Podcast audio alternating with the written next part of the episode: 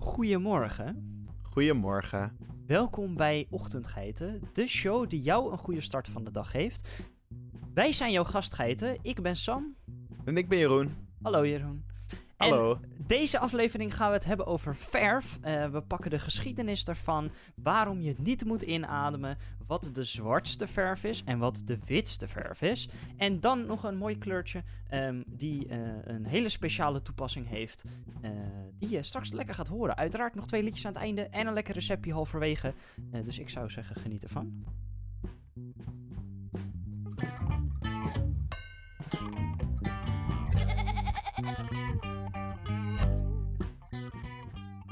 Hey, um, heb jij als klein kind, uh, misschien op de basisschool, misschien eerder, misschien later, misschien wel helemaal niet, maar daar is deze vraag voor, wel eens geverfd met jouw vingers?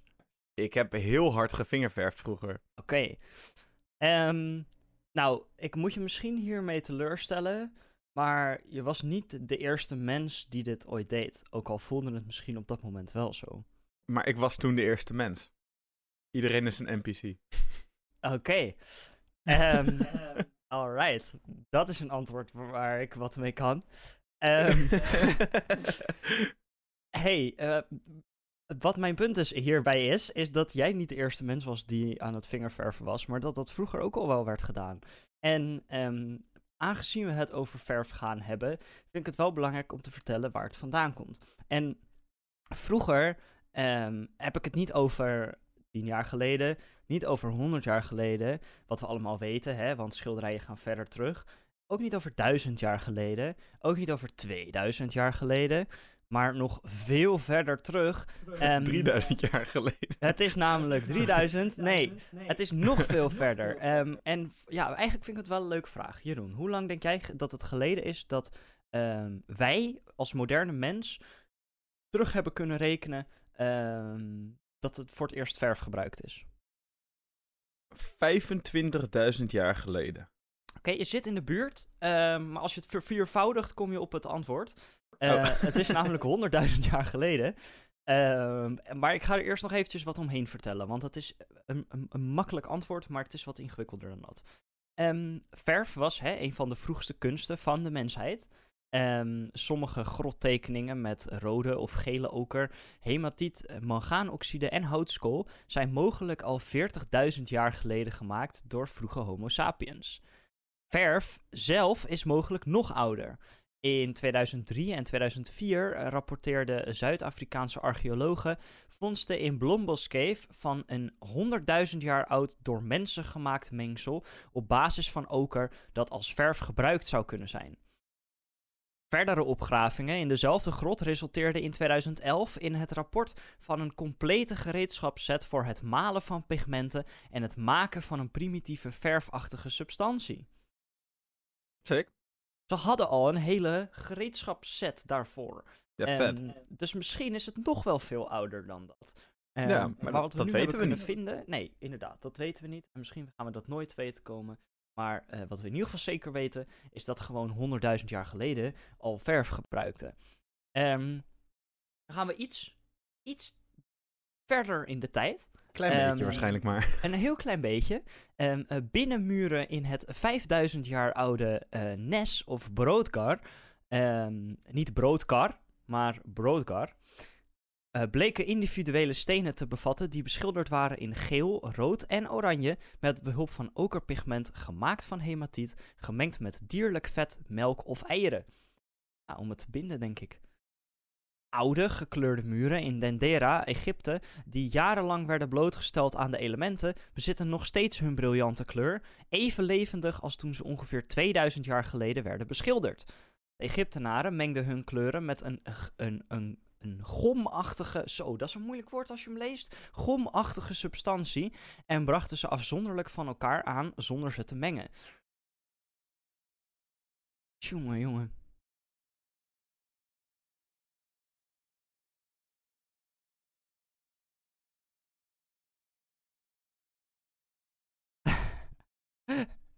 nice. Uh, nee, geen probleem. Um, deze Egyptenaren met die gomachtige substanties schijnen zes kleuren te hebben gebruikt. wit, zwart, blauw, rood, geel en groen. Ze bedekten het gebied eerst helemaal met wit en tekenden daarna het ontwerp in zwart, waarbij ze de lichtjes van de grondkleur weglieten.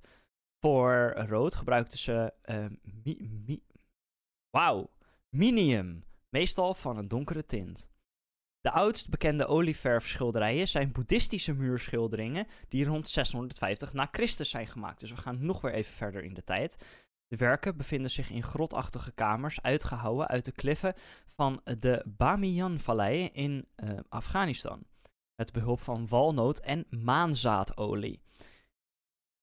Plinius vermeldt enkele beschilderde plafonds in zijn tijd in de stad Ardea, die gemaakt waren voor de stichting van Rome.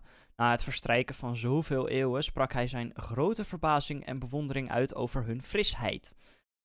In de 13e eeuw werd olie gebruikt om uh, tempera-schilderingen te uh, detailleren. In de 14e eeuw beschreef Cennino Cennini, wat een goede naam, een schildertechniek waarbij uh, tempera-verf werd gebruikt, bedekt met lichte lage olie. De trage drogende eigenschappen van organische oliën waren algemeen bekend bij de vroege Europese schilders. De moeilijkheid om de materialen te verkrijgen en te bewerken betekende echter dat ze zelden werden gebruikt. Um, en de langzame droging werd zelfs als een nadeel gezien. De verf werd gemaakt met de dooier van eieren, uh, waardoor de substantie hard werd en zich hechtte aan het oppervlak waarop het werd aangebracht. Het pigment werd gemaakt van planten, zand en verschillende bodems. De meeste verven gebruiken olie of water als basis, het verdunningsmiddel, oplosmiddel of vehikel voor het pigment. De door Vlamingen uh, opgeleide of beïnvloede Antonella da Messina, die door Vasari ten onrechte werd gecrediteerd met de introductie van olieverf in Italië, lijkt de formule te hebben verbeterd door litarge, oftewel lood-2-oxide, toe te voegen. En uh, uh, een nog bestaand voorbeeld van de 17e eeuwse huisolieverf is Ham House in Surrey, England. England, Engeland, waar een uh, grondlaag werd gebruikt samen met verschillende grondlagen en een uitgebreide decoratieve deklaag. Het pigment en oliemengsel zouden tot een pasta zijn vermalen met een vijzel en stamper. De schilders deden het proces met de hand, waardoor ze werden blootgesteld aan loodvergiftiging door het loodwitte poeder. Dat Lekker. is minder fijn. In 17... Ah, toen wisten ze niet wat het was, joh. Ach, toen bestond het nog niet. In 1718 vond Marshall Smith in, in Engeland een... Het zei ik het bijna weer. eh, een eh, machine of engine for the grinding of colors uit. Het is niet precies bekend hoe deze machine werkte, maar het was een apparaat dat de efficiëntie van het vermalen van pigmenten drastisch verhoogde. Al snel adverteerde het bedrijf Emerton en Manby met uitzonderlijk goedkope verven die met arbeidsbesparende technologie waren vermalen. 1 pond verf gemalen in een paardenmolen verft 12 meter werk, terwijl verf die op een andere manier wordt gemalen nog niet de helft van die hoeveelheid doet. Tegen het begin van de industriële revolutie, halverwege de 18e eeuw, werd verf gemalen in molens die door stoom werden aangedreven en was er een alternatief voor loodhoudende pigmenten gevonden in een witte afgeleide van eh, zinkoxide. Naarmate de 19e eeuw vorderde, het schilderen van huizen, werd het schilderen van huizen binnen steeds meer de norm, zowel om decoratieve redenen als omdat de verf effectief was om te voorkomen dat de muren gingen rotten door vocht. Lijnolie werd ook steeds vaker gebruikt als goedkope bindmiddel. Dan gaan we nog iets verder. eh, namelijk in 1866 opende Sherwin-Williams in de Verenigde Staten als grote verffabrikant een verf die zonder voorbereiding uit het blik kon worden gebruikt. Pas toen de stimulans van de Tweede Wereldoorlog, eh, wat gewoon een bijna 100 jaar later is, ehm, een tekort aan lijnolie in de toeleveringsmarkt veroorzaakte, werden kunstharsen of alkietharsen uitgevonden. Waren goedkoop en makkelijk te maken, hielden de kleur goed vast en gingen lang mee. En dat is een klein beetje de, eh, de hele geschiedenis van, van verf in het, in het heel erg kort. Want er is Ja. natuurlijk nog veel meer met allemaal verschillende soorten verf en hoe het is toegepast en hoe het is gemaakt. Maar dit is een klein beetje de geschiedenis ervan. eh, om toch een beetje achtergrondinformatie te geven aan eh, dit mooie, eh, deze mooie uitvinding. Het mooie goedje wat je op van alles en nog wat kan smeren. Ja.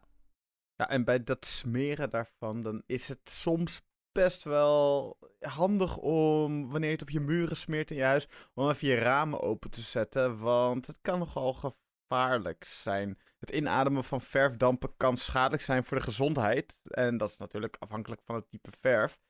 En is ook afhankelijk natuurlijk van de hoeveelheid dampen en de duur van de blootstelling. Uh, verfdampen kunnen verschillende chemische stoffen bevatten die schadelijk kunnen zijn wanneer, je, uh, wanneer ze worden ingeademd. De effecten daarvan variëren van mild tot ernstig en kunnen ac acute of chronische gezondheidsproblemen veroorzaken. Enkele eff uh, mogelijke effecten van de, het damp, indampen van verfdampen. Het in, jeetje, inademen van verfdampen. Ja, die ga ik zo even bespreken. Maar er kwam ook al toen jij net uh, aan het vertellen was over de geschiedenis van verf, kwam ook al gelijk ja, naar voren dat er best wel vaak met loodverf uh, verf gemaakt werd. Ja. Ik denk dat, uh, ja, dat dat niet zo heel erg goed is voor de mensen ook. Nee, er is algemeen bekend ook dat nog best wel een redelijk recente generatie van mensen grotendeels loodvergiftiging heeft door leidingen. En ja, als dat dan ook nog eens in de verf zat, dan ja, dat kan niet goed er wordt wel eens gezegd dat mensen in Amsterdam daarom zo, soms zo gek doen. Oh ja.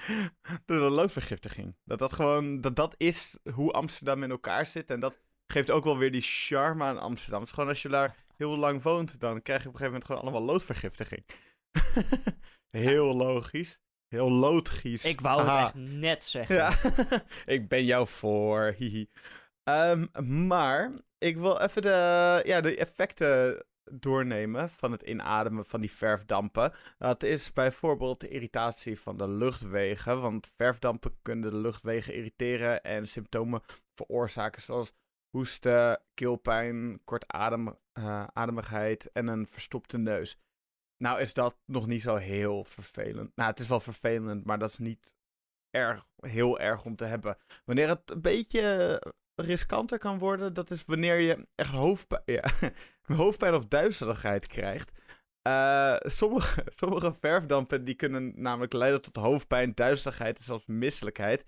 Het kan bijvoorbeeld het geval zijn bij slecht geventileerde ruimtes. Het inademen van verfdampen kan hoofdpijn, uh, hoofdpijn veroorzaken door de aanwezigheid van vluchtige organische stoffen. Afgekort is dat uh, VOS. FOSH. En dat kan ook het uh, zenuwstelsel beïnvloeden. En door irritatie, van de, uh, door irritatie van de luchtwegen en zenuwen. En ook nog door het verminderde zuurstofopname in slecht geventileerde ruimtes. Door reacties van andere stoffen in de lucht. En ook de uh, individuele gevoeligheid van de chemische stoffen. Ja, dit kan dus erg ervoor zorgen dat je op een gegeven moment ernstige hoofdpijn kan krijgen. En ja, dat kan wanneer er echt voor een lange tijd, uh, tijd in zit, kan dat gewoon steeds erger worden. Dan kan je ook te weinig zuurstof krijgen bij je brein. En dat zijn van die dingen die je gewoon niet wilt hebben. En dan kun je huid, uh, ik bedoel, je huidcellen, je hersencellen kunnen daardoor afsterven. Nou, dan kan je bepaalde ziektes krijgen. Het is ook niet al te lekker voor je longen. Vooral als er dan ook stoffen als lood en zink en zo in zitten. dus uh, ja, om dat soort dingen even te voorkomen, gooi gewoon lekker je deur, uh, deur open of je raam open. Of gewoon zorg voor goede ventilatie. Uh, wat je ook kan krijgen zijn allergische reacties. En dat vergeten sommige mensen wel. Dat, ja, in verf zitten natuurlijk ook gewoon chemische stoffen. En stoffen waar je een reactie op kan hebben. Dus wanneer je in een ruimte zit waar net geverfd is, dan kan het zijn dat je bijvoorbeeld huiduitslag, jeuk of andere allergische symptomen krijgt. Het kan gewoon. Gewoon gekke dingen. Het kan ook zelfs schadelijk effect hebben op je organen, want langdurige blootstelling aan bepaalde schadelijke stoffen in verfdampen, zoals die vluchtige organische stoffen waar ik het zojuist over had, of bijvoorbeeld zware metalen die ook wel in verf kunnen zitten, ja, kan gewoon leiden aan uh, schade aan de organen, zoals bijvoorbeeld de lever, de nieren en het zenuwstelsel. Daarnaast hebben sommige verf hebben ook nog giftige effecten. Sommige verfdampen bevatten namelijk giftige stoffen zoals lood en uh, cadmium. En ja, bij langdurige blootstelling hieraan kan je ook hele ernstige gezondheidsproblemen krijgen. Dus uh, ja, je wil het liefst niet helemaal doodgaan door verf en zo. Dat is net Nee. vervelend. Heb, je, heb je een nieuw huis? Ga je je huis schilderen van binnen? Ga je erin slapen? Word je de volgende ochtend niet meer wakker? Is, is net jammer. Daghuis kan weer in de verkoop. Ja, moet je gewoon niet hebben. Terwijl een hele dramatische eh, ja, ja. anekdote. Ja, maar je moet dit soort dingen niet onderschatten, Sam. Je- Nu denk je van, ja, je maakt het wat dramatisch, maar straks gebeurt het gewoon. Ik probeer mensen gewoon te waarschuwen. Oké, Iedereen's eigen veiligheid is gewoon belangrijk. Kunst, precies. eh, eh, kunst en, en, en, en eh, hoe zeg je dat? Ja, nou ja, voor- vooral kunst, want ook de binnenkant van je huisverven kan kunst zijn. Ehm, Zeker. eh, is natuurlijk hartstikke leuk, maar eh, ja, je moet gewoon weten wat je doet. Is eigenlijk het punt, denk ik. Ik bedenk me nu ineens waarom mijn, eh, mijn leraar van kunst op de middelbare school zo was. Was ook een beetje een. eh, was ook een, een beetje een. eh, Ik weet niet of het de hersenen figuur. aantast. eh, Jawel, vast wel. Kijk, Vast het- wel. aan hem te zien. Oké, Ah, maar, maar in ieder geval, je moet gewoon zorgen dat je de risico's kan minimaliseren. Dus zorg ervoor dat je gewoon lekker goed in een goed geventileerde ruimte zit. En zorg er daarnaast ook voor dat er voldoende ja, luchtstroom dus en eventuele ventilatoren zijn om dat lekker goed geventileerd te houden. En je kan ook een, luchtfil eh, een masker met luchtfilter dragen. En dat kan er ook voor zorgen dat je de schadelijke dampen een stuk minder inademt. Je krijgt vaak met de filter nog steeds een beetje mee, maar het zorgt er in ieder geval voor dat ook heel veel shit buiten blijft. En als je ja, symptomen krijgt tijdens het schilderen, is het heel erg verstandig om gewoon zo snel mogelijk de ruimte te verlaten en even lekker frisse lucht in te ademen. Ja. En als je van plan bent trouwens om te gaan schilderen, vooral met oploshoudende verf, is het raadzaam om de productinformatie en veiligheidsvoorschriften op de verpakking te lezen en de juiste veiligheidsmaatregelen te nemen. Want op die manier blijven we allemaal veilig. Potverdorie. Klinkt goed. Over, over veiligheid gesproken. eh, om onszelf veilig te houden en om ervoor te zorgen dat je niet heel veel hoofdpijn en duizeligheid en zo in het normale leven krijgt, is het belangrijk om te eten. Ja, En, En- volgens mij heb jij er wel een goed iets voor, Sam. Ja, ik- weet je, ehm, laat ik maar meteen met de deur in huis vallen. Spaghetti koken is altijd een goed idee, hè? Wie maak je nou niet blij met een lekker eh, bordje spaghetti eh, aglio olio, spaghetti bolognese of carbonara? Nou, vast wel iemand, maar de meeste mensen Ja, maken er wel ik- blij mee. Ehm, maar Mensen die een glutenallergie hebben. je kan ook glutenvrij pasta eten. ja, nee, dat is waar. Overal is een oplossing voor. Maar Zeker. eh, eh, mijn punt is dat je je bordje spaghetti ook nog gezelliger kunt maken met dit recept. Dit is namelijk een, regenboog spaghetti recept. Ehm, Oh. ik, ik moet zeggen dat spaghetti er nog nooit zo leuk uitzag. Eh, dit recept is, ja, bijzonder, laat ik het zo zeggen. En je kan het op een eh, hele natuurlijke manier maken. Voordat iedereen al meteen denkt van, ja, maar dit zijn gewoon kleurstoffen. Dat is het ook. Maar je kan die kleurstoffen ook op een, een, een natuurlijke manier verkrijgen. Ehm, als je niet eh, ja, een heel flesje kleurstof wilt inhaleren. Ehm, welke ingrediënten heb je nodig? 450 gram spaghetti en kleurstoffen in de kleuren rood, oranje, geel, groen, blauw en paars. Hè, de regenboogkleuren. Heb je alleen rood, geel en blauw? Eh, simpel, maak oranje door rood en geel te mengen, groen van geel en blauw en paars maak je door rood en blauw te mengen. Dat hebben we als het goed is allemaal in de eerste klas van de middelbare school geleerd, als het niet eerder was. Ehm, En we hebben een aflevering over kleuren. ook Dus dat. als je, als je daar nog meer over wil weten, ga lekker luisteren naar onze aflevering over kleuren. Ehm, nou, een een gel kleurstof geeft de felste kleuren, maar je kunt ook een vloeibare kleurstof gebruiken. Maar een andere optie, eh, wat ik net al even zei, is om zelf natuurlijke kleurstoffen te maken. Het is makkelijker en sneller om een kunstmatige kleurstof te gebruiken, maar natuurlijke kleurstoffen zijn uiteraard gezonder. Mocht je natuurlijke kleurstoffen willen maken, dan heb je nodig 600 gram rode kool, 5 rode bieten, 3 eetlepels kurkuma, een halve eetlepel, theelepel baksoda en water. Oh. Dan heb ik een, staat hier een hele volledige uitleg over hoe je die natuurlijke kleurstoffen maakt. Maar die ga ik eventjes overslaan. Ehm, want het recept staat gewoon in de beschrijving. En als je dat wilt doen, dan kan je dat doorlezen. Anders ben ik hier namelijk een heel manuscript aan het eh, voorlezen. Ehm, dan, je spaghetti. Ehm, het koken doe je 11 tot 13 minuten. Je kan gewoon instructies van je, van je verpakking volgen. Eh tenzij je zelf je spaghetti maakt, dan ben je een strijder. Moet ik er wel bij zeggen. Nee, respect voor Ehm, jou, bro. Precies. Ehm, nou, zorg dat je spaghetti al dente gekookt is, beet gaar. Eh, dus 1 tot 2 minuten korter dan dat het bakje aangeeft. Ehm, dan heb je je spaghetti en eh, je, je, giet het, je giet het af, spoelt het af met koud water eh, om het kookproces te stoppen, anders gaat het mis met de kleuren. Je verdeelt de kleurstoffen over zes verschillende afsluitbare bakjes, zakjes of potjes, wat je ook wil, Ehm, als je het maar kan afsluiten. Dan, ehm, afhankelijk van of je natuurlijke of eh, kunstmatige kleurstoffen hebt, moet je andere hoeveelheden toevoegen. Maar je doet gewoon in de potjes de spaghetti, de kleurstof erbij. Ehm, en dan schud je, of je, je, je kneedt als je een zakje gebruikt, eh, om het goed te mengen. Eh, dan laat je minimaal 5 minuten intrekken voor kunstmatige kleurstoffen en minimaal 30 minuten voor natuurlijke kleurstoffen. Als ze ingetrokken zijn, spoel je het af om eh, overige kleurstof weg te spoelen. En dan kan je het gewoon weer verwarmen en je recept verder maken. Ehm, dit is gewoon een, een aglio olio recept, maar je kan natuurlijk in principe alles ermee doen. Ehm, het is super simpel. Eh, je hebt de spaghetti al gemaakt, uiteraard. En je hebt zes steentjes knoflook, 100 milliliter olijfolie eh, en één of twee rode pepers nodig. Van peterseliehout kun je er ook nog een handje gesneden peterselie bij doen. Want waarom niet? Je snijdt je knoflook fijn en de peper in ringetjes of kleine stukjes. Je haalt de zaadlijsten weg als je niet van pittig houdt. Anders kun je die meesnijden. Nou, we houden wel van pittig, hè, Jeroen? We houden zeker van pittig. Dan doe je die er gewoon lekker bij. Bak de knoflook met peper in een koekenpan met de olijfolie. Voeg de regenboogspaghetti toe en bak op laag vuur totdat de pasta heet is.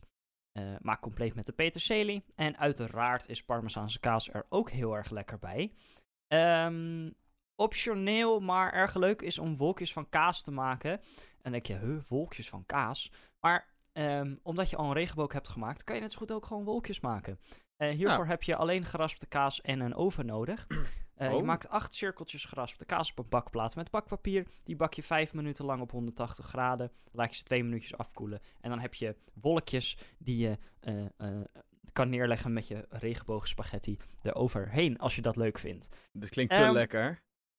Het is, eh, te gewoon in makkelijk. principe- het is in principe gewoon een, een, een heel simpel eh, ehm, en welbekend recept. Maar ik dacht, we doen er wat kleur bij en dan krijg je Ja. een regenboogrecept. Het is een superleuk recept en ehm, zeker als je kinderen hebt of eh, ehm, eh, neefjes of nichtjes of broertjes of zusjes of whatever.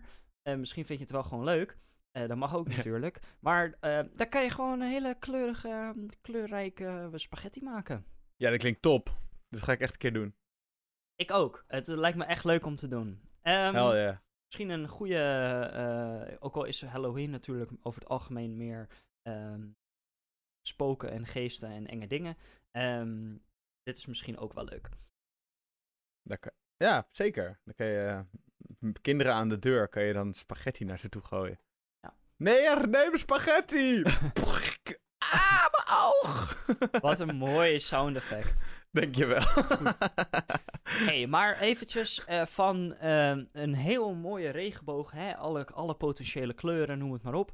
Ehm, ga ik die even allemaal weghalen en naar een kleur die alles absorbeert en eh, sommige Eigenlijk- mensen vinden het Eigenlijk geen daardoor geen kleur. Ja, precies. Ehm, ook wel zwart, Fanta Black. Eh, het is een klasse van super zwarte coatings met een totale, eh, eh, dat noemen ze een totale hemisferische reflectie, ook wel THR, van minder dan 1% in het zichtbare spectrum. Dat zorgt ervoor dat bijna al het kleur erdoor geabsorbeerd wordt. Ehm, en dat heeft ook te maken met het chemische dampafzettingsproces, CVD.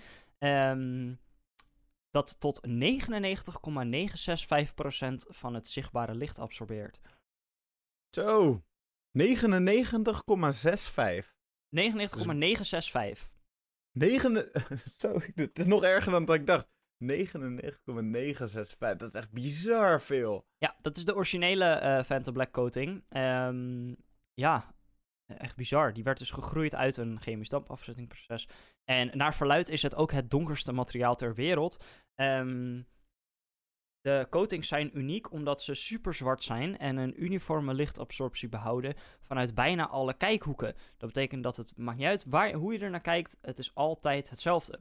Ehm, Originele CVD Vanta Black wordt niet langer geproduceerd voor commerciële toepassingen, omdat het is vervangen door Vanta Black spray coatings die vergelijkbare optische prestaties bieden in belangrijke delen van het elektromagnetische spectrum. Ben Jensen, oprichter en CTO van Surrey Nanosystems, vond de coatings uit die in juli 2014 publiekelijk werden onthuld en uiteindelijk werden gecommercialiseerd door het wetenschappelijke team van Surrey Nanosystems. Ik weet dit nog. ehm, want ik zat op de middelbare school en ik kan me herinneren dat het aangekondigd werd en dat de hele wereld eventjes in shock was van wauw, dit is echt heel bijzonder. Dit is gewoon bijna alsof je in Ja. een zwart gat kijkt. Ja. Ja, ik weet het ook nog inderdaad. De eh, eh, vroege ontwikkeling vond plaats in, eh, van Phantom Black overigens, vond plaats in het National Physical Laboratory in het Verenigd Koninkrijk. De term Vanta werd later in de ontwikkeling bedacht. De naam Vanta Black is een handelsmerk van Surrey Nanosystems Limited en er wordt naar verwezen in drie patenten die zijn geregistreerd bij het United States Patent and Trademark Office. Dus het is wel echt een eh, persoon die het heeft uitgevonden, heeft het wel slim gedaan. Vanaf eh, 2022 eh, zijn Vanta Black coatings erg duur en Surrey Nanosystems weigert ze te leveren aan particulieren en levert alleen monsters voor toepassingen die zij geldig achten. Verschillende andere bedrijven distribueren ook verticaal uitgelijnde nanobuis-arrays, waaronder Nanolab, Santa Barbara Infrared en andere. Ehm, Ah, ja. De eerste bestellingen werden geleverd in juli 2014 en in 2015 werd de productie opgeschaald om te voldoen aan de vraag in de luchtvaart- en defensiesector. Nou, dat verbaast me nou niks. Nee, dat is, eh, dat is wel redelijk typisch. Er eh, ontstond controverse toen Surrey Nanosystems Anish Kapoor de exclusieve rechten gaf om Phantom Black te gebruiken in artistieke toepassingen. Veel kunstenaars verzetten zich tegen zijn monopolie op de stof. In reactie hierop werkte Nanolab, een eh, fabrikant van koolstof nanobuisjes uit Waltham, Massachusetts, samen met de kunstenaar Jason Chase uit Boston om een zwarte verf op basis van nanobuisjes uit te brengen, Singularity Black genaamd. Tijdens de eerste vertoning van de kleur verklaarde Chase, verwijzend naar Vanta Black, dat de mogelijkheden ervan zijn belemmerd doordat ze niet beschikbaar waren om mee te experimenteren. En dat het uitbrengen van Singularity Black belangrijk was om toegang te creëren. Nou goed, dat is even i- een gevecht tussen ik heb het uitgevonden, ik mag het alleen Nee. gebruiken en distribueren. Oké, nou dan maken we het zelf wel. Ja, precies. Fuck jou dan, hè? Hmm. Ehm, het is eh, qua temperatuur wel belangrijk om eventjes te vertellen voor de, de, de, de, de mensen die daarin geïnteresseerd zijn. Dat Phantom Black natuurlijk zo'n hoog percentage van het licht absorbeert. Maar eh, eh, gemaakt kan worden bij 400 graden Celsius. NASA had eerder een vergelijkbare stof ontwikkeld die bij 750 graden Celsius werd gekweekt. Waarvoor materialen nodig waren die hittebestendiger waren dan Phantom Black. Hmm. Ehm, dus dat is, nou ja, op zich wel, eh, wel een, een ander verhaaltje nog. Want donkerdere materialen zijn mogelijk. In 2019 ontwikkelde MIT-ingenieurs een CVD-materiaal dat een tiende van de hoeveelheid licht reflecteert die Vanta Black reflecteert. Dus dat is nog donkerdere verf dan eh Vanta Black. Jeetje. De uitwaseming en uitval van deeltjes van Vanta Black zijn laag in vergelijking met vergelijkbare stoffen, waardoor het commercieel levensvatbaarder is. Vanta Black is bestand tegen mechanische trillingen en vertoont thermische stabiliteit. Dus het kan goed tegen temperaturen. Verschillende Ja. temperaturen. Ehm, er is nog een heleboel gebeurd met duurzaamheid en eh, noem het maar op. Ehm Vanta Black heeft ook interesse gewekt van de wetenschappelijke gemeenschap voor gebruik in camera's en sensoren. De onderscheidende kenmerken maken het een, gewild materiaal voor bioscoopprojectoren, lenzen, luxe producten en designartikelen. Bovendien Mm. hebben de lichtabsorberende eigenschappen het potentieel om de efficiëntie van zonnepanelen en cellen te verbeteren. Nou ja, Kijk, daar hou ik Nu van. nu hebben we de goede dingen te Ja. pakken. Precies. Uh, Vantablack S uh, VIS, een verspuitbare verf, die gebruik maakt van willekeurig uitgelijnde koolstof nanobuisjes en zeer hoog absorptieniveaus van ultraviolet tot het terahertz spectrum, oftewel praktisch alle kleuren, is exclusief in licentie gegeven aan de studio van Anish Kapoor voor artistiek gebruik. Dat is irritant, vind ik. Ja. waarom zou iemand die gewoon veel geld geeft uh, hier een monopolie over krijgen? Omdat de ehm, wereld helaas zo in elkaar zit. Ja, I know. uh, maar ik, ik, wil niet dat het zo is. Nee, um, snap ik. De fabrikant beweert dat Vantablack onderworpen is aan exportcontroles door het Verenigd Koninkrijk en vanwege de fysieke vereisten en thermische kenmerken is de originele Vantablack niet praktisch voor gebruik in veel soorten kunst. Vantablack VBX2, een variant van de niet-nanotube Vantablack VBX die geoptimaliseerd is voor het spuiten van grote oppervlakte, werd gebruikt in een Vantablack paviljoen op de Olympische Winterspelen van 2018 in uh, oktober 2018 om de release van hun uh, first-person shooter videogame Call of Duty Black Ops 4 te promoten, werkte Activision samen met Surrey Nanosystems om het Black Ops House te creëren. Een klein gebouw in Londen dat volledig in Vantablack VBX2 werd geschilderd, waar spelers de PlayStation 4-poort van het spel konden spelen in de loop van een tweedaags persevenement. Vind ik wel mooi dat ze al dat geld spenderen om, uh, om dat huis helemaal zo te schilderen. En ja, nee, Twee volgens, dagen.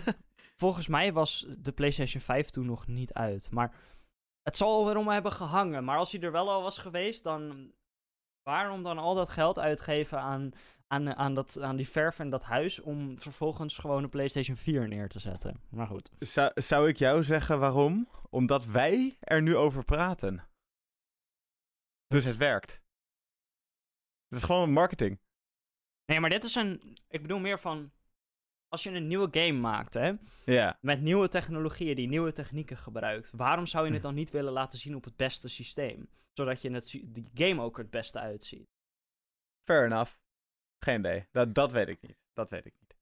Dat vind ik gewoon een beetje gek. Maar goed, ja, ik zeg, het is oktober 2018. Misschien was de PlayStation 5 nog helemaal, helemaal niet. Die tijdlijn heb ik even niet, uh, niet goed uh, in mijn hoofd. Um, Nee, Black Ops, toen Black Ops 4 uitkwam, was er inderdaad alleen nog maar PlayStation 4. Maar dan nog, denk ik gewoon, waar, hoezo? Waarom dan daarop en waarom dan niet op een PC met een PlayStation controller? Maar goed, dat zijn dingen waar ik dan weer over nadenk. Um, Omdat misschien heeft Sony dit had Sony dit deels gesponsord en zo. Nee, het is Activision. Dat is gewoon je antwoord, denk ik. Ja, oké. het antwoord op alles. Ja, in september 2019 onthulde BMW een X6-concept met Phantom Black Lak op de International Motor Show in Duitsland. Het bedrijf is echter niet van plan om de kleur op productiemodellen van de X6 te produceren. De Franse... Er... Ja? Ja, ik zat er dus over na te denken, hè? Over, die, uh, over die BMW X6, want ik zag hem ook een keertje langskomen. En ik dacht toen ook van, ja, hoe freaking warm zou het worden als je daarin zou rijden? Als het gewoon een zonnige dag is en zo. Het, ik, het is sowieso, vind ik persoonlijk, maar dat is natuurlijk iedereen's, uh, iedereen's eigen voorkeur. Zwarte auto's zijn gewoon niet echt handig. Uh, want uh, ze worden allereerst, je gaat alle stofdingetjes zien. En daarnaast is het ook zo dat je gewoon, wanneer de zon schijnt, wordt het gewoon moeilijk warm binnen zo'n auto. Dus ik zie het er sowieso niet van. Maar ja, hoe warm moet het dan worden als het vet en black is? Maar het is gewoon mooi. Ja, het is cool. Ah. De ja, leuke kleur. Het is een mooie kleur, net zoals kleur van huis in, in Londen met PlayStation 4. Ja, ah. precies. okay. Laatste uh, toepassing die ik heb kunnen vinden is dat de Franse muzikant uh, Gesaffelstein uh, Fanta Black VBX2 gebruikte als onderdeel van zijn podiumdecoratie tijdens zijn optreden op Coachella in 2019. Um, ehm, nou, dat zijn een aantal toepassingen die ik heb kunnen vinden. Um, maar ja, Phantom Black. Dus sinds 2014 uh, in de openbare uh, publieke uh, wereld. En aardig wat controversie erover vanwege de gebruiksrechten ervan. Um, maar uiteindelijk, ja, weet je, het was wel te verwachten dat het natuurlijk toegeëigend wordt aan iemand die er kunst van wil maken. Ik had eigenlijk eerder verwacht dat het um, het eigendom zou worden van een bedrijf die uh, dure merkkleding maakt. Ik zou gewoon zeggen van ja, dat, dat, dat, daar zit het meeste geld in. Dus daar, um, ja, eindigt het uiteindelijk. Maar goed, dat is Ja. niet heel, wel gebeurd, maar niet helemaal gebeurd. Misschien ben je nu de toekomst aan het voorspellen. Misschien gaat dat nog gebeuren. Wie weet. Wa- wat ik ook gelijk dacht bij Phantom Black was, oh, coole bandnaam. Nu eh, kijk ik heel eventjes op Spotify en zie ik dat ik niet de enige was die dacht, coole bandnaam. Best wel veel bands die Phantom Black heten. Of ja, veel artiesten. ook wel logisch natuurlijk. Absorbeer Zeker. alle kleur. We zijn duister, we zijn donker. Precies. Ja, Oh. dat. hey, maar eh, dit is het zwartste zwart qua verf wat er is. Ehm, maar er is ook een eh, tegenovergestelde van. ja, dat is het, het witste wit wat er qua verf is. Dat ik wil het even hebben over de witste verf. Om even naar de volledig andere kant van het spectrum te gaan. Dit is namelijk een, eh, ja, een verf en die is ontwikkeld door ACS Applied Materials and Interfaces. En deze, die hebben dat dus ontwikkeld. En deze verf die reflecteert maar liefst 98,1% van het zonlicht. En daarmee ook ja, behoorlijk wat warmer.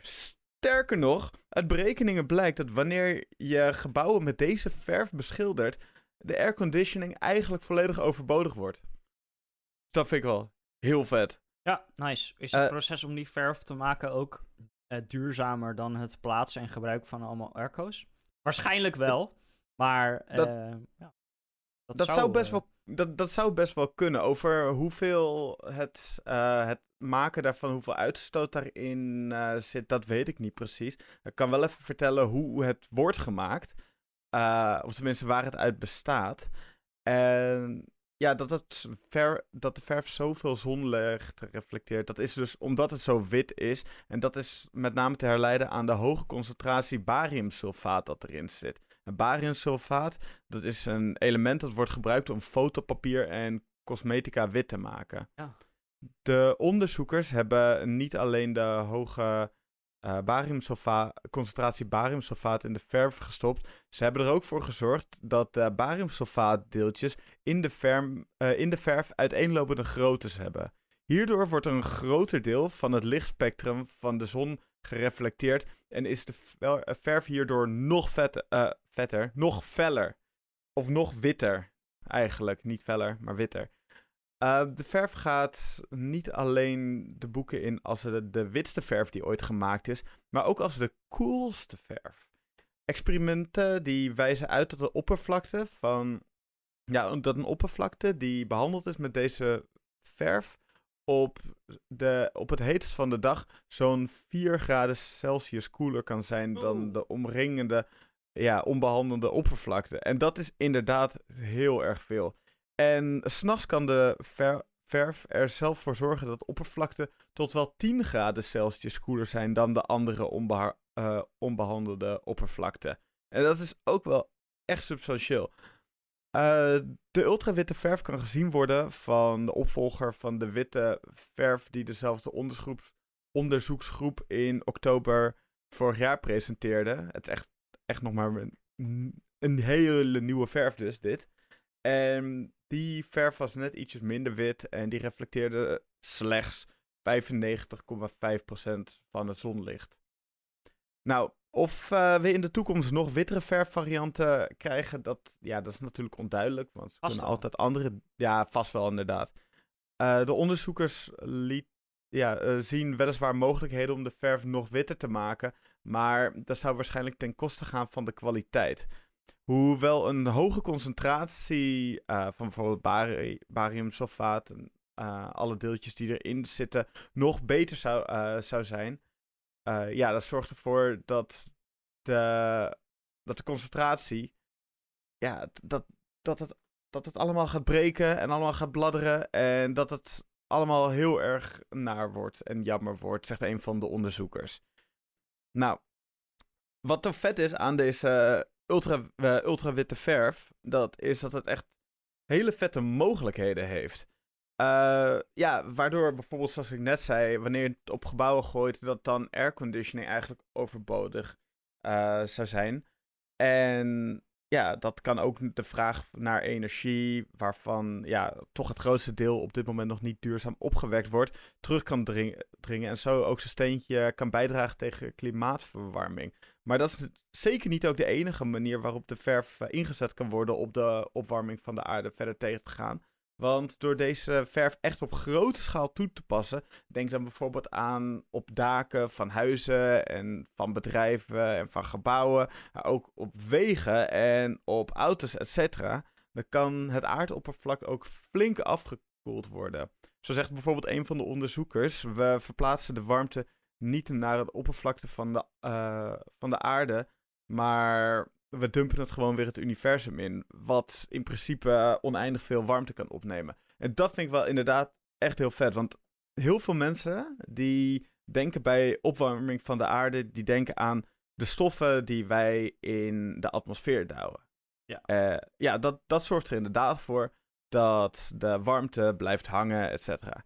Maar wat je dus kan doen om het ook. Uh, Oké, even terug. Wat je, kan, uh, wat je kan doen om ervoor te zorgen dat de aarde minder warm wordt, is gewoon ervoor te zorgen dat dingen die warmte opnemen en dingen die, die uh, ook voor warmte zorgen, dat die gewoon niet meer zoveel warmte creëren. Dus de huizen, de, je merkt gewoon in een stad is het veel warmer wanneer het een zonnige dag is dan in het bos bijvoorbeeld. Het zijn gewoon op al het asfalt en zo gaat al die warmte zitten. Asfalt wordt ook moeilijk heet wanneer, het, uh, wanneer de hele dag de zon erop heeft geschenen. Dus als je iets kan creëren waardoor het ook al die, uh, al die licht tegengaat en al die warmte tegengaat, dan kan je, dat, kan je het echt wel helpen met het verminderen van het opwarmen van de aarde. Dat vind ik wel echt een hele interessante manier om, uh, om eigenlijk te kijken naar deze nieuwe uitvinding. Wanneer je denkt, witste wit, oh leuk. Leuk dat dat bestaat hier, hier lol, XD. Maar je kan er dus echt echt hele vette shit mee maken. Als, uh, als ze dat gaan doen, hè, alles helemaal mooi wit verven en zo, dan gaat mhm. het voor mensen die weinig pigment hebben, zoals ik, wel echt een struggle worden om buiten te komen. Ja. Ja. Maar ja. het, komt, het, komt echt van alle kanten, word je dan uh, verblind. Verblind en, en gekookt en zo. Ja. Dan, dan ben jij eigenlijk de enige bron waar de licht, waar de wat warmte maakt. Het is wel interessant. Ja, het is, het is tenminste niet zo erg als. Of het kan tenminste niet zo erg zijn als dat gebouw. Ik weet even niet meer waar en welk gebouw. Maar er was een gebouw waar het glas op zo'n hoek was uh, gemaakt. Dat het, het licht letterlijk van de zon zo erg reflecteerde. Dat als er auto's onder het gebouw stonden op een bepaalde hoek dat daar gewoon dingen van aan het wegsmelten waren. Ja, dat is, dat is inderdaad een gebouw in Londen. Ik, uh, ik, ken dit verhaal inderdaad. Het is zo dom en zo voorspelbaar. Man, oh man. Maar goed, dat, zou, dat krijg je dan ook wel een beetje natuurlijk. Zeker, natuurlijk krijg je dat. En ik denk dat uiteindelijk uh, dat gewoon groen op daken planten en dat soort dingen, dat dat ook een veel betere optie is in principe. Ja, want dan hebben we ook nog eens fotosynthese. En dan is er nog een ecologische toepassing ook. Ja, zeker. En dan kunnen daar weer mooie insecten komen. En dan kunnen daar mooi andere diertjes grazen bovenop het flatgebouw. Vogels hebben er echt wel wat aan. Vogels hebben er ook zeker wat aan, inderdaad. Maar dat zorgt gewoon dat de hele leefomgeving voor eigenlijk alle dieren gewoon verbetert. Ik denk dat uiteindelijk, je kent van die uh, dystopische beelden uh, van werelden waar dan geen mensen meer leven. En daar, waar dan overal van die lianen aan hangen. En overal dat alle gebouwen gewoon groen zijn geworden van mos en zo dat erop zit. Ik denk wel dat dat soort, dat soort nou, niet op, oplossingen als in geen mensen meer, maar dat er zou wel gewoon... Helpen. Het, het zal wel helpen in dat proces, maar dat de mens kan kijken om het ook voor zichzelf beter te creëren door, te gebru uh, door gebruik te maken van natuurlijke elementen. In en ik denk dat eh, Eindhoven is een stukje van de stad waar. Daar kan je doorheen lopen. Er zijn uh, ateliers en dergelijke, ook woningen. En daar hebben ze super veel planten over de gebouwen, op de gebouwen, naast de gebouwen. Oh, cool. Uh, echt helemaal eromheen gebouwd. En er staat ook een bord van: hey, dit is een experiment. Um, om te kijken wat voor, wat voor effect dat heeft. Maar Ja. dat, dat, is, dat is wel uiteindelijk precies wat jij bedoelt. En ja, ik denk dat dat wel een hele goede oplossing gaat zijn. Zeker, zeker. Maar ik denk, ik, ik denk ook dat deze verf ook in bepaalde mate. Want je moet niet een, inderdaad een hele grond, eh, zo'n heel grondding met die verf bekladden. Want dan is het gewoon niet echt meer leefbaar voor de mensen die erop komen. Nee. Eh, maar dat het op, in zekere zin wel kan werken om ervoor te zorgen dat. Ja, dat het toch allemaal. Dat, dat bepaalde dingen, zoals bijvoorbeeld bovenop een gebouw of zo. Dat bepaalde dingen toch ook wat beter. Ja, wat, wat handiger kunnen. Ja. Wauw, dat was echt een rare zin. Maar Snap wat je bedoelt. Oké, dankjewel. Gelukkig. Dus ik vind het echt een. Ik, ik denk wel dat er zeker nog wel eh, toekomstplannen in zitten. Van met het witste verf ooit. En ik, vind het, ik ben ook heel erg benieuwd hoe wij als mensheid omgaan met ook dit soort nieuwe uitvindingen. En het gebruiken van oude uitvindingen van moeder natuur. Genaamd planten en groen en zo. Over groen gesproken. Wauw, zo. Deze kwam in één keer naar boven. Eh, ja, dan denk je van, wat zit die groen nou in de weg? Ga nou eens weg groen. Ja, precies, daar wil ik het nou precies over hebben. De Go Away Green. En dan denk je, hè, Go Away Green? Wat is dat nou een rare, rare naam voor, voor een kleur? Maar dat is, ja, we, we hebben dit trouwens al een keertje besproken tijdens de podcast over eh, pretparken. Want het is namelijk eh, iets van Disney. Eh, nou, tenminste, het is niet iets van Disney. Disney heeft niet een bepaalde kleur in, in zijn storage zitten. Maar het is wel iets wat heel veel in Disney-parken voorkomt. Want Disney's Go Away Green is een term die wordt gebruikt om de specifieke kleur groen te beschrijven. Die Disney-parken en eh, Disney-attracties vaak gebruiken om objecten of gebieden die niet bedoeld zijn om de aandacht te trekken, te camoufleren. En het doel van Go Away Green is om alle elementen te laten vervagen in de achtergrond. Zodat ze dus minder eh, opvallen voor de bezoekers van het park. Deze strategie helpt om de algehele esthetiek van het park te behouden zonder afleidingen van ja, niet, niet passende elementen die op dat punt in het park passen. Eh, Go Away Green is zorgvuldig gekozen om op te gaan in de natuurlijke omgeving en architectuur van het park, waardoor het oog van de bezoekers er minder snel op valt. Het kan worden toegepast op gebouwen, hekken, deuren of andere ja, objecten die om welke reden dan ook niet, eh, niet de aandacht van de gasten mogen trekken. Of ze in ieder geval uit de fantasiewereld waar ze op, dit moment, eh, op dat moment zitten eruit kunnen halen. Het concept eh, is vergelijkbaar met camouflage in de natuur, waar dieren en planten kleuren en patronen ontwikkelen om zich te verbergen voor roofdieren. En er zijn een paar redenen waarom Go Away Green als camouflerend wordt beschouwd. Dat is namelijk, dus wat ik net zei, de aanpassing in de omgeving. De kleur van Go Away Green wordt vaak gekozen op basis van de overheersende kleuren in de omgeving, zoals ja, groene planten en bomen en architectonische elementen. Door een vergelijkbare kleur te gebruiken, kan een object of gebied makkelijker opgaan in zijn omgeving. Daarnaast eh, kan het ook zorgen voor een optische illusie. Namelijk onze hersenen zijn geneigd om minder aandacht te besteden aan objecten die lijken samen te vloeien met hun achtergrond. Dus Go Away Green die benut dus deze eigenschap door een visuele illusie te creëren waarbij objecten dus minder opvallen. Ook is er minder contrast, want door een kleur te kiezen die dicht bij de omgevingskleuren ligt, ontstaat er minder contrast tussen het eh, object en de achtergrond. En ja, die contrast dat is dus ook vaak een factor dat onze aandacht trekt. Stel je zou een speaker die je eigenlijk wil verstoppen, zou je toch een andere kleur geven. Bijvoorbeeld de meest opvallende kleur rood. Ja, daar, daar ga je hem wel zien. Maar als je hem gewoon weg wil werken in de omgeving, maak hem gewoon iets wat redelijk op die omgeving lijkt qua kleur. En dat is in Disneyparken, omdat ze veel gebruik maken van groen, is dat vaak groen. En op die manier kunnen ze dat weghalen. En daarnaast heeft het ook te maken met perceptuele selectie. Mensen hebben de neiging om opvallende kleuren en patronen te herkennen uh, voordat ze minder opvallende elementen zien. En Go Away Green vermindert het visuele gewicht van een object, waardoor het dus ook minder snel wordt opgemerkt. En ja, dus mensen gaan dan eerst denken: oh, wat is dat rode ding wat daar zit? Oh, het is een achtbaan. Uh, in plaats van dat ze denken: van, oh, dat, dat ding daar in de bosjes verscholen, dat is een uh, speaker. Waardoor ze echt inderdaad op kunnen gaan binnen die hele mooie universe die ze daar creëren.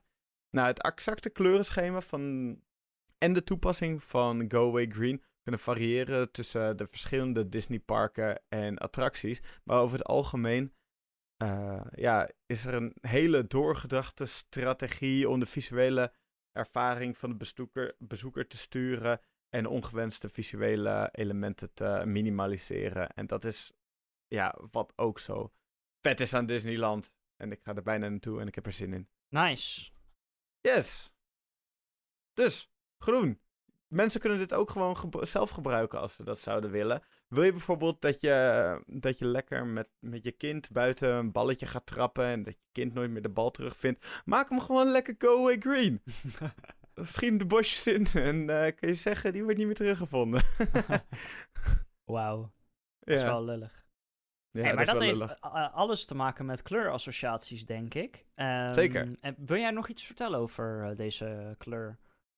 Nee. Oké, want kleurassociaties zijn natuurlijk één ding om mensen, menselijk brein te activeren. Maar een andere vorm van associatie is ook een manier om je brein te activeren. En dat is namelijk met muziek.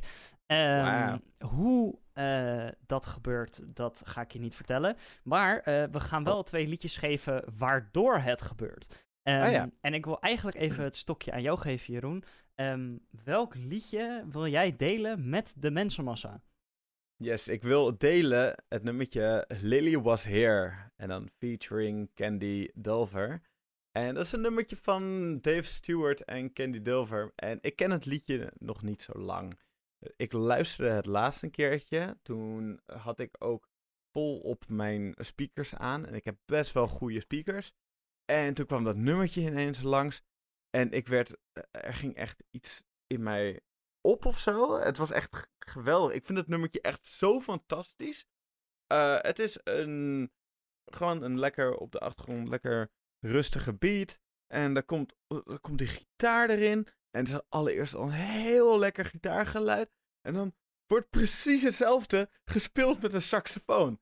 En dan uh, wordt het is een soort van de hele tijd. Het is een duet van een gitaar en een saxofoon.